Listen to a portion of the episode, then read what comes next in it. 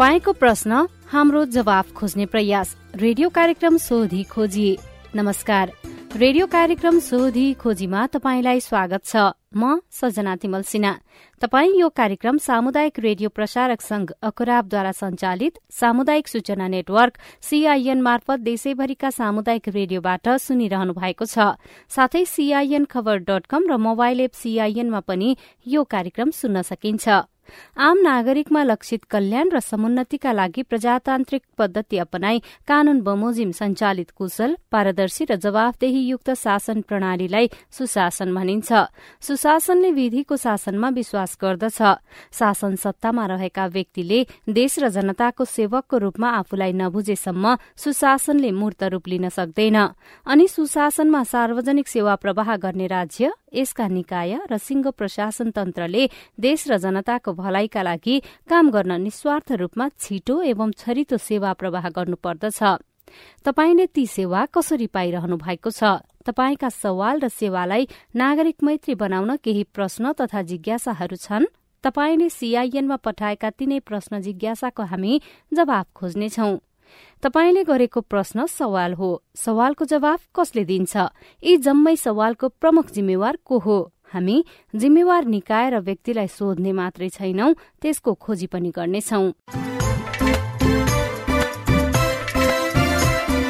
तपाईँको प्रश्नको उत्तर मात्रै खोज्ने छैनौं। त्यसपछि त्यो सवाललाई टुङ्गोमा पुर्याउन के भइरहेको छ त्यसको पनि सोधी खोजी गर्नेछौ। हाम्रो टेलिफोन नम्बर शून्य एक बान्न साठी छ चार छमा फोन गरेर रेकर्ड गर्नुहोस्। यो नम्बरमा तपाईँले जुनसुकै बेला फोन गरेर आफ्नो प्रश्न रेकर्ड गर्न सक्नुहुनेछ। यसै सीआईएनको Facebook page community information network सीआईएनमा गएर पनि आफ्ना कुरा लेख्न सक्नुहुनेछ। तपाई प्रश्न राख्नुहोस्। हामी जवाफ खोज्नेछौ कार्यक्रम सोधी खोजीमा। देश संघीयतामा गएपछि सात सय त्रिपन्नवटा स्थानीय सरकार छन्। सात प्रदेश सरकार र केन्द्रमा संघीय सरकार छ। संघ प्रदेश र स्थानीय सरकारबाट सम्पादन हुने काममा ढिलासुस्ती छ अनियमितता भएको छ नियम मिचेर कसैले काम गरेको छ भने तपाईँले ती गुनासा सीआईएनमा राख्न सक्नुहुनेछ। करदैलोमा सरकार पुगेपछि नागरिकले प्रभावकारी सेवा पाउने र विकासको कामले प्राथमिकता पाउने आशा गरिएको थियो। के नागरिकले त्यही आशा अनुसारको सेवा पाइरहेका छन्? छैनन् भने ती प्रश्न पनि तपाईँले राख्न सक्नुहुनेछ। आज हामीसँग रोजगारीका विषयमा आएका तपाईँका प्रश्न अनि ती प्रश्नको जवाब छन्। शुरूमा वैदेशिक रोजगारीमा गएकाहरूको लागि सरकारले शुरू गरेको टेलिमेडिसिनको प्रसंग सीआईएनको फेसबुक पेजमा कुवेतबाट हरि लामाले टेलिमेडिसिन सेवा भनेको के हो भनेर जिज्ञासा राख्नु भएको छ। हरिजी तपाईँको जिज्ञासा मेटाइदिनको लागि हामीले वैदेशिक रोजगार बोर्डका निर्देशक राजन पौडेललाई अनुरोध गरेका छौं। यो टेलिमेडिसिन सेवा सञ्चालन गर्न खोजिएको चाहिँ नेपालबाट विभिन्न गन्तव्य मुलुकहरूमा श्रम गर्नका लागि जाने श्रमिक कामदार दाजुभाइ दिदीबहिनीहरूलाई लक्षित गरेर सञ्चालन गरिएको अनलाइन प्रविधिमा आधारित भएको चिकित्सा सेवा हो वास्तवमा यो होइन? यसले चाहिँ श्रमिकहरूको स्वास्थ्यको प्रवर्धन गर्ने कार्यका लागि बढीभन्दा बढी भूमिका खेल्छ भन्ने हामीलाई लागेको छ। नेपाल सरकारको माइल स्टोनको कार्यक्रमको रूपमा यो वर्षदेखि राखिएको कार्यक्रम पनि थियो यो। श्रमिकहरूको लागि टेलिमेडिसिन सेवा सञ्चालन गर्ने भनेर। यसका लागि चाहिँ वैदेशिक रोजगार बोर्डले अलिकति बजेट पनि छुट्यायो टेलिमेडिसिन सेवा सञ्चालन गर्न भनेर जसले श्रमिकहरूको हक लागि कल्याणकारी क्रियाकलापहरू सञ्चालन गर्ने गर्छ। यो सेवा दिनका लागि विभिन्न गन्तव्य मुलुकमा भएका नेपाली श्रमिक दाजुभाइ दिदीबहिनीहरूले यो हाम्रो mobile number nine eight five one three four five seven zero one र nine eight five one three four five seven zero two seven zero one र सेभेन जिरो टू यो दुईवटा नम्बरमा उहाँले नम्बरको भाइबर अथवा इमो अथवा वाट्सएप कुनै पनि सामाजिक सञ्जालमा उहाँले फोन गरेर अनलाइन मार्फत सेवा दिन सक्नुहुन्छ। उहाँहरूले फोन गरिसकेपछि यो फोन चाहिँ तत्कालै मेडिकल अधिकृत अथवा हेल्थ असिस्टेन्ट साथीहरूले उठाउनुहुन्छ। यसलाई वीर अस्पतालले हामीलाई प्राविधिक सहयोगमा साथ दिनुभएको छ। वीर अस्पतालका मेडिकल अधिकृत अथवा चाहिँ हेल्थ असिस्टेन्ट साथीहरूले यसलाई उठाउनुहुन्छ र उहाँहरूले काउन्सिलिङ गर्नुहुन्छ। यो यो कार्यक्रम हरेक दिन सार्वजनिक विधाको दिनदेखि बाहेक बिहान दस बजीदेखि बेलुका पाँच बजीसम्म निरन्तर रहन्छ। अनि त्यो उहाँहरूलाई यदि कुनै प्रकारको विशेषज्ञ सेवा चाहिने भएको रहेछ भने चाहिँ हरेक हप्ताको शुक्रबार र आइतबार हप्ताको दुई दिन हामीहरू उहाँहरूलाई विशेषज्ञ सेवा उपलब्ध गराउँछौँ। र यसरी चाहिँ उहाँले अनलाइन मार्फतबाट स्वास्थ्यको प्रवर्धन गर्ने गरी सेवा दिन सक्नुहुन्छ। के कस्ता समस्याहरू पर्दा यो टेलिमेडिसिन प्रयोग गर्न सकिन्छ? जेनरली अहिले हेर्दाखेरि चाहिँ तुरुन्तै कोही दुर्घटनामा पर्नुभयो उहाँको तुरुन्तै उपचार गर्नुपर्ने भयो इमर्जेन्सी उपचार गर्नुपर्ने भयो भने चाहिँ तत्कालको ट्रिटमेन्ट चाहिँ अब अनलाइन पद्धतिमा आधारित भएको कारणले गर्दाखेरि हामी त सेवा दिन सक्दैनौँ होइन? हेर्दाखेरि चाहिँ त्यहाँदेखि बाहेक चाहिँ स्वास्थ्यसँग जोडिएका कुनै पनि विषयको परामर्श दात्विक काम हामी गरिदिन्छौँ। र यदि कुनै पनि श्रमिकले यसमा फोन गरिसके पछाडि चिकित्सकहरूले चाहिँ उहाँलाई यो अनलाइन प्रविधिबाटै उहाँहरूको जुन सामाजिक सञ्जालमा उहाँहरूले फोन गर्नु गर्नुभएको छ त्यही सामाजिक सञ्जालमा यसको प्रेसक्रिप्सन हामीले पठाइदिन्छौँ। र उहाँले त्यो प्रेसक्रिप्सनमा उल्लेख भएको औषधि चाहिँ नेपालमा रहेको कुनै आफन्तबाट बजारबाट खरिद गरेर उहाँले आफै लैजानुपर्छ। औषधि खरिदेको शुल्क चाहिँ हामी तिर्दैनौँ मात्रै उहाँलाई परामर्शको शुल्क मात्रै हामी तिरिदिन्छौँ। र त्यहाँबाट उहाँले औषधि लगेर विदेशमा लगेर प्रयोग गर्न सक्नुहुन्छ। तर बेसिकल्ली यसको नेचर चाहिँ तत्कालै इमर्जेन्सी ट्रिटमेन्ट गर्ने भन्दा पनि परामर्श गर्ने काउन्सिलिङ गर्ने कुरामा चाहिँ बढी केन्द्रित भएको जस्तो देखिन्छ। विदेशमा रहेकाहरूलाई लक्षित गर्नुको कारण चाहिँ के हो? विदेशमा लक्षित गर्नुको मुख्य कारण चाहिँ के हो भने पछिल्ला दिनहरूमा सर्ने रोगहरूको दाँजोमा नसर्ने रोगहरूबाट मर्ने विदेशी श्रमिकहरूको सङ्ख्या बढ्दै गइरहेको छ होइन? त्यहाँ भएको अस्वस्थकर जीवनशैली खानपान लगायतका कारणले गर्दाखेरि हाम्रामा चाहिँ मुटुको रोगहरू किडनीसँग जोडिएका रोगहरू अथवा अरू कुनै प्रकारका नसर्ने रोगहरूको प्रकोप तीव्र गतिमा बढिरहेको हुँदाखेरि त्यो नसर्ने रोगहरूबाट कसरी बचाउने उहाँहरूलाई उहाँलाई औषधि दिने व्यवस्था कसरी गरिदिने नसर्ने रोगसँग जोडिएको बिचको परामर्श कसरी गरिदिने अथवा कतिपय दाजुभाइहरू चाहिँ मानसिक ढङ्गले विक्षिप्त अवस्थामा हुनुहुन्छ उहाँले चाहिँ मनोसामाजिक परामर्शको पक्षमा लगेर मानसिक ढङ्गले उहाँलाई कसरी फिट एन्ड फाइन बनाउने भन्ने काम गरिरहनु पर्नेको अवस्था भएको कारणले चाहिँ यो सेवा लक्षित गर्न खोजिएको र अहिले हामीले पछिल्लो दिनमा हेर्दा कस्तो पनि देखिरहेका छौँ भने यो चाहिँ मुटुका रोगहरू क्यान्सरसँग जोडिएका रोगहरू अथवा चाहिँ किडनीसँग जोडिएका रोगहरूको प्रकोप बढ्दै गएको कारणले चाहिँ यसको मृत्युदर बढ्दै गरेको यसको लागत पनि हामी कहाँ बढ्दै गरेको किनभने सामाजिक व्यय ठुलो हुँदै गरेको कारणले गर्दाखेरि चाहिँ उहाँलाई यस विषयमा काउन्सिलिङ गर्न सकियो र यसमा यसमा विशेषतः चिकित्सकीय काउन्सिलिङ गर्न सकियो भने उहाँलाई अलिक बढी अमिट छाप पनि दिन सकिन्छ यो विषयको भन्नको लागि पनि यो कार्यक्रम सञ्चालन गर्न खोजिएको। कुन देशमा गएका श्रमिकहरूलाई चाहिँ लक्षित गरिएको छ? अहिले चाहिँ हामीले बढी चाहिँ खाडी देशमा गएका श्रमिकहरूलाई लक्षित गरेका छौँ। जस्तो हामीले विशेषज्ञ सेवा चाहिँ शुक्रबार र आइतबार दिन खोज्नुको प्रयोजन के हो भने ती देशहरूमा अधिकांशमा शुक्रबार सार्वजनिक विधा पर्ने गर्छ। कतिपयमा आइतबार पनि विधा छ होइन? अधिकांशमा शुक्रबार सार्वजनिक विधा पर्ने गर्छ। त्यसरी उहाँहरू सार्वजनिक विधाको दिनमा चाहिँ कम्तीमा सेल्टरमा बस्नुभएको भन्ने कुरालाई ध्यानमा राखेर कम्तीमा विशेषज्ञ सेवा दिनु पर्दाखेरि चाहिँ उहाँहरू बिदामा भएको दिन भएदेखि सजिलो हुन्थ्यो भनेर लक्षित गर्न खोजेका छौँ। त्यसरी अहिले हामीले बढीभन्दा बढी समस्या देखिएको पनि तिनै मुलुकहरूमा हो। मृत्युदर पनि धेरै भएको गन्तव्यको सङ्ख्या पनि धेरै भएको मुलुक पनि तिनीहरू नै हुन्। त्यसले गर्दा तिनै मुलुकहरूलाई लक्षित गरेर अहिले हामीले सेवा सञ्चालन गर्न खोजेका छौँ। परन्तु यसको कुनै सीमा छैन यही मुलुकको लागि भन्ने छैन। कुनै पनि देशको नागरिकले कुन देशमा जानुभएको श्रमिकहरूले यो सेवा दिन सक्नुहुन्छ। उहाँ हुनुहुन्थ्यो वैदेशिक वैदेशिक रोजगार बोर्डका निर्देशक राजन पौडेल सरकारले शुरू गरेको टेलिमेडिसिन सेवाको बारेमा आएका प्रश्नको जवाफ दिँदै। टेलिमेडिसिन पछि अब इपीएस कोरियासँग सम्बन्धित प्रश्न। सबै प्रश्नको जवाफ दिँदै हुनुहुन्छ इपीएस कोरिया शाखाका निर्देशक पुष्पराज कटुवाल। नमस्ते मेरो नाम सुभाष साउद म चुरे गाउँपालिकाको वडा नम्बर तिनबाट मैले पोर्चल असारको महिना कोरियाको परीक्षा दिएर पास भएको थिएँ। अहिलेसम्म जानकारी पाएको कुनै पनि जानकारी नभएको हुँदा यसको लागि कुनै जानकारी पाउँछु कि भनेर जिज्ञासा राखेको तपाईँ चाहिँ पास गरेर बस्नुभएको र तपाईँको प्रोसेस के के छ भन्ने कुरा तपाईँले आफ्नो पर्सनल आइडी चेक गरेर थाहा पाउन सक्नुहुन्छ।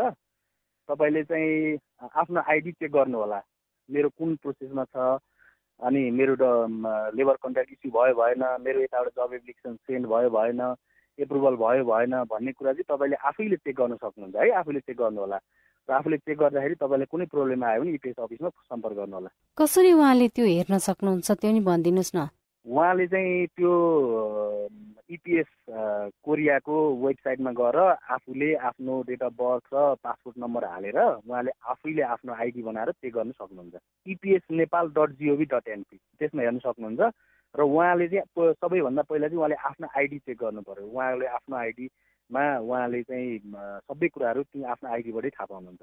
यो अब पास भएको कति समयभित्र जान पाउने त्यसपछि नपाउने भन्ने पनि हुन्छ कि? हुन्छ पास गरिसके पास गरेको भनेको दुई वर्षको रोस्टरको लागि हो। अनि रोस्टरमा सूचीकृत भइसकेपछि यताडि कोरियाले चाहिँ रोजगारदाता कम्पनीमा डिमान्ड अनुसारको वान इस टू थ्रीको रेसियोमा नामावली पठाउँछ र रोजगारदाता कम्पनीले छनौट गरेको अवस्थामा उहाँ जान पाउनुहुन्छ।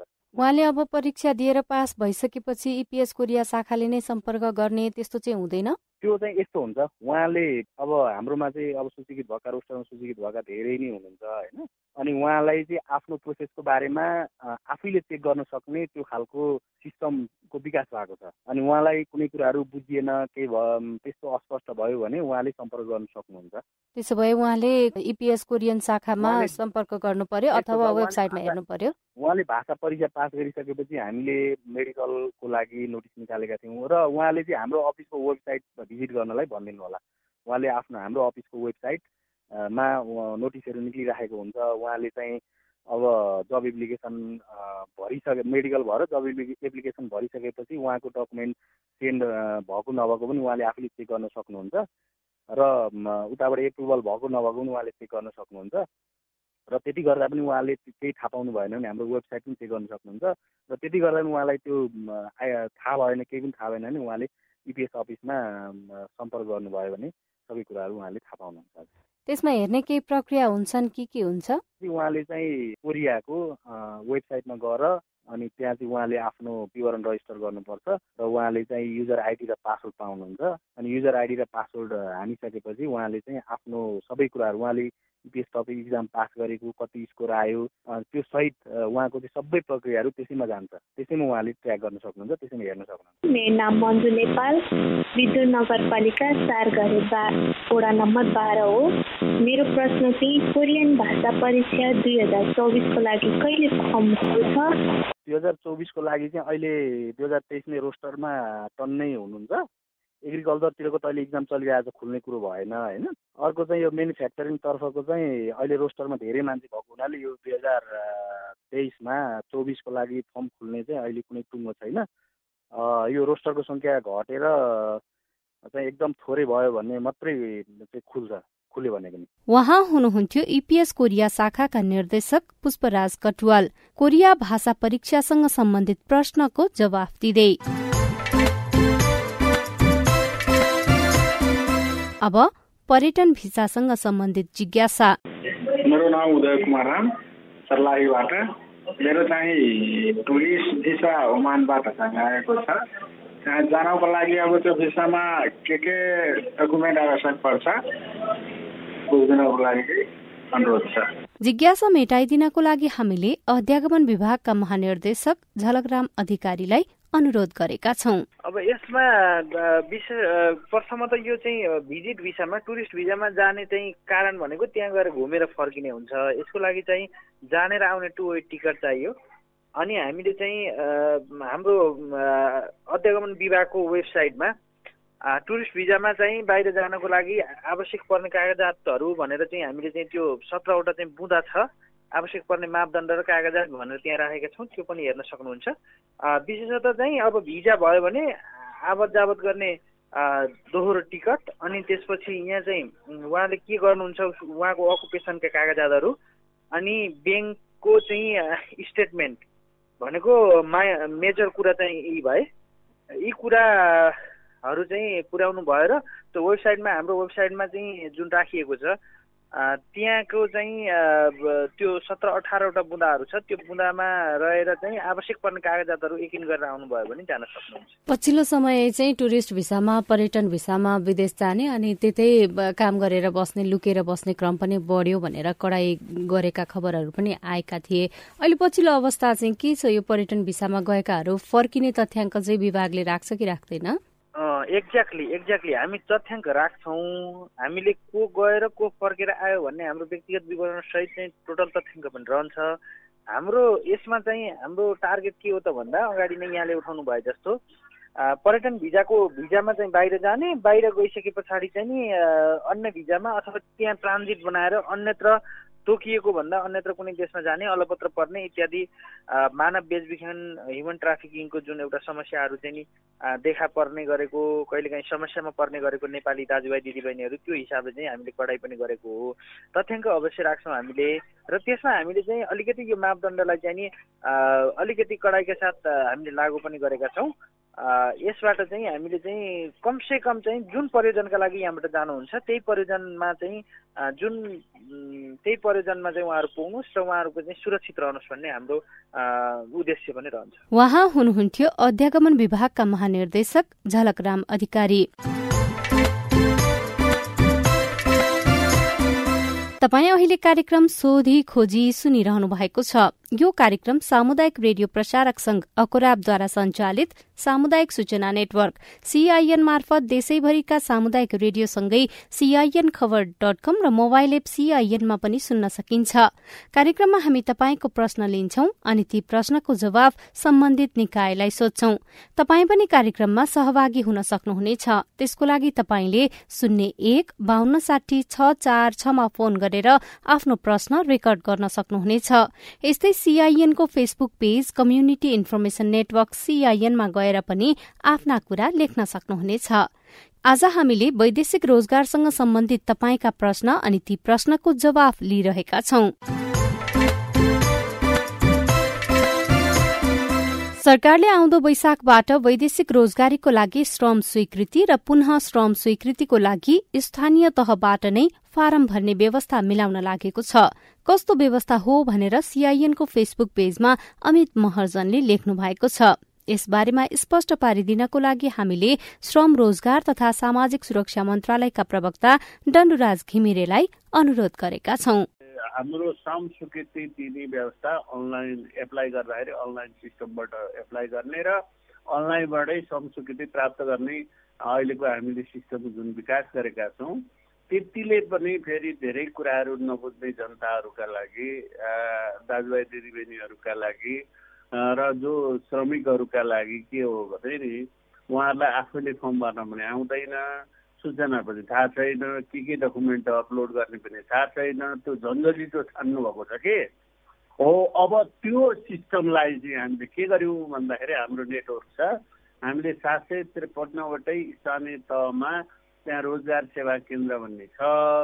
त्यो रोजगार सेवा केन्द्रमा तिनजना कर्मचारी हामीले राखेका छौँ। ती तिनजना कर्मचारी साथीहरूले सहयोग गर्नुहुन्छ। दुईवटा कुरा। के के डकुमेन्ट चाहिन्छ? कसरी फर्म भर्नुपर्छ सूचना पनि दिनुहुन्छ। उहाँहरूलाई कस्तो गर्ने हो भनेर कसरी कुन कुन डकुमेन्ट चाहिन्छ कसरी भर्नुपर्छ कहाँ छ त्यो वेबसाइट कहाँ छ त्यसको लिङ्क कहाँ छ भनेर पनि भन्नुहुन्छ। सँगसँगै के गर्नुहुन्छ भने कसैले फर्म कसैलाई सहयोग गर्नु पर्यो फर्म भरिदिनु पर्यो भने उहाँले भर्न सहयोग गर्नुहुन्छ भनेर त्यो व्यवस्था गरिएको यो व्यवस्था कहिलेदेखि लागू हुन्छ? अनि यसले श्रमिक जो रोजगारीको सिलसिलामा विदेश जान चाहन्छन् उनीहरूलाई के फाइदा हुन्छ? दुईटा कुरा। एउटा चाहिँ झन्झटिलो उहाँहरूलाई चाहिँ अनलाइन सिस्टम जुन फर्म भर्नका लागि उहाँले झन्झट बेहोरिराख्नु पर्दैन त्यसमा सहयोग हुन्छ नबुझेको कुरा बुझ्नु बुझ्नुहुन्छ। र अब हामीलाई फोन गर्ने अवस्था पनि उहाँहरूलाई अब उहाँले फोन गर्नुहुन्छ यो त मैले जानिनँ भन्नुहुन्छ। अनि त्यस पछाडि फेरि हामीले बताउँछौँ फेरि पनि बुझ्नुहुन्न। अब त्यस्तो अवस्था हुँदैन। सम्बन्धित स्थानीय तहमा गएर त्यो केन्द्रमा गएपछि के हुन्छ भन्दाखेरि उहाँहरूले त्यो सबै फर्म भर्नका लागि सूचना दिनका लागि डकुमेन्ट जुटाउनका लागि सहयोग गर्नुहुन्छ एक। दोस्रो कुरो यो व्यवस्था दुई हजार अस्सी साल वैशाख एक गतेबाट लागु हुन्छ। त्यसका लागि हामीले रोजगार सेवा केन्द्रका कर्मचारीहरूलाई ती तिनजना साथीहरूलाई क्यापेसिटी बिल्डिङ गर्नुपर्छ यो विषयमा पढाउनुपर्छ। उनीहरूको क्षमता अभिवृद्धि गर्नुपर्छ। हामीले यो त्यही भएर चाहिँ यसलाई चाहिँ केही समय लाग्छ र वैशाख गतेदेखि चाहिँ हामी त्यसलाई व्यवस्थित गर्छौँ भनेर भन्न खोजेको उहाँ हुनुहुन्थ्यो श्रम रोजगार तथा सामाजिक सुरक्षा मन्त्रालयका प्रवक्ता डण्डुराज घिमिरे। अब भने नेपाल राष्ट्र बैंकसँग सम्बन्धित प्रश्न जिज्ञासा। प्रश्नोत्तरमा हुनुहुन्छ नेपाल राष्ट्र बैंकका प्रवक्ता डाक्टर गुडाकर भट्ट।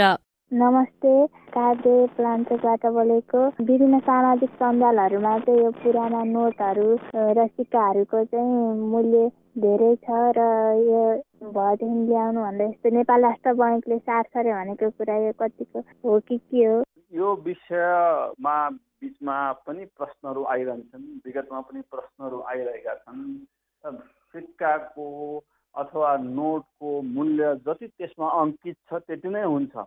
आजभन्दा तिस वर्ष अगाडिको मानौ एक सय दरको मुद्रा तपाईँसँग छ भने अहिले पनि त्यसको मूल्य एक सय नै हो। तपाईँले नजिकैको ब्याङ्कमा गएर त्यो एक सय साटेर नयाँ अहिले निष्कासन भएको नयाँ नोट लिन सक्नुहुन्छ। त्यसैले त्यसको मूल्य चाहिँ राष्ट्र ब्याङ्कले थपेर दिने भन्ने चाहिँ हुँदैन। सिआइएनको फेसबुक पेजमा विराटनगरबाट अमित लालले नेपालमा अब भारू चल्दैन भन्ने खालको कुराहरू हल्लाहरू यता चलिरहेको छ। खासमा अब भारू नचल्ने हो भनेर सोध्नु भएको छ।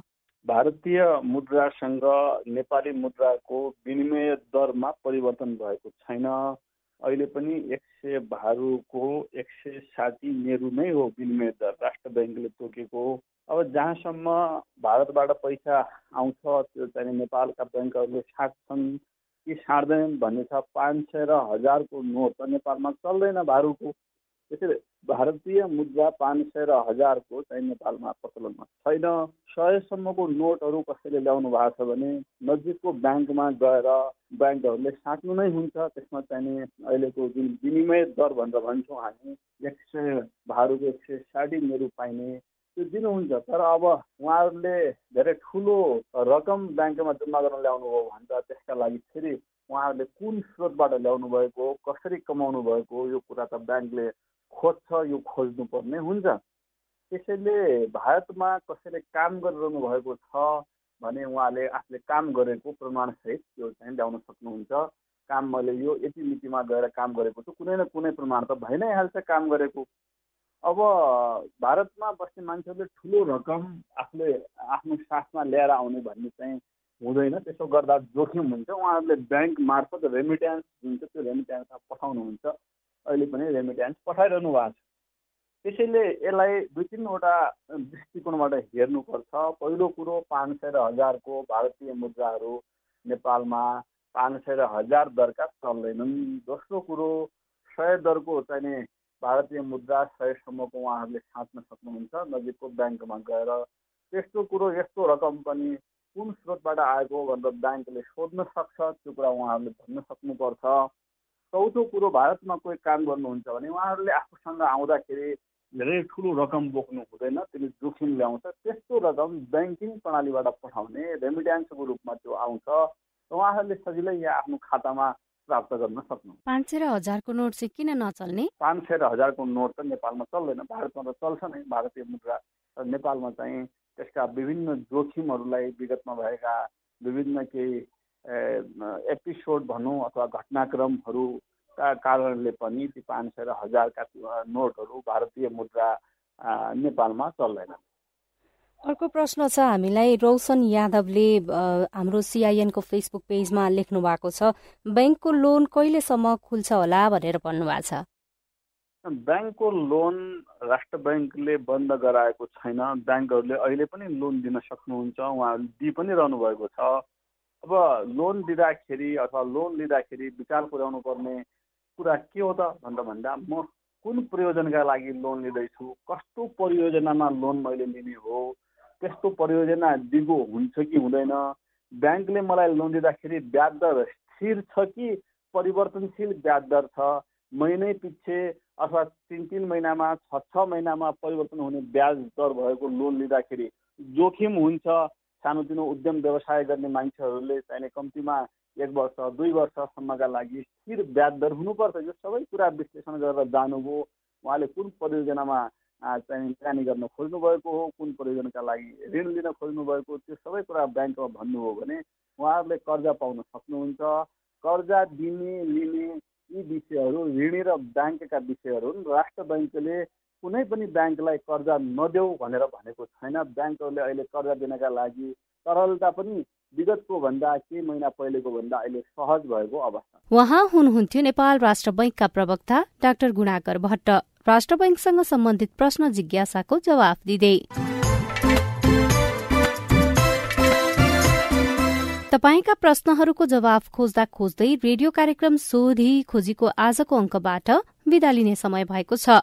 तपाईँलाई यो कार्यक्रम कस्तो लाग्यो? नागरिकले प्राप्त गर्ने सेवा र विकास निर्माणको कामलाई गुणस्तरीय र प्रभावकारी बनाउन के गर्नु पर्ला तपाईँका केही सुझाव र टिप्पणी छन् भने हाम्रो टेलिफोन नम्बर शून्य एक बान्न साठी छ चार छमा फोन गरेर आफ्नो प्रश्न रेकर्ड गर्नुहोस्। यस्तै सीआईएनको Facebook page community information network सीआईएनमा गएर पनि आफ्ना कुरा लेख्न सक्नुहुनेछ। तपाई प्रश्न राख्नुहोस् हामी जवाफ खोज्नेछौ। कार्यक्रम सोधी खोजीमा। यो कार्यक्रमलाई थप प्रभावकारी बनाउन तपाईँको सुझाव महत्वपूर्ण हुनेछ। हेलो सीआईएनमा हरेक दिन र रेडियो कार्यक्रम मार्फत अर्को हप्ता तपाईँका प्रश्नको जवाब खोज्दै आइपुग्नेछौ। आजका लागि प्राविधिक साथी सुनिल राज भारतलाई धन्यवाद। अहिलेको रेडियो कार्यक्रम सोधी खोजीबाट सजना तिमल सिन्हा विदा हुन्छु। प्रश्न सोध्न अप्ठ्यारो नमानौ। नमस्कार।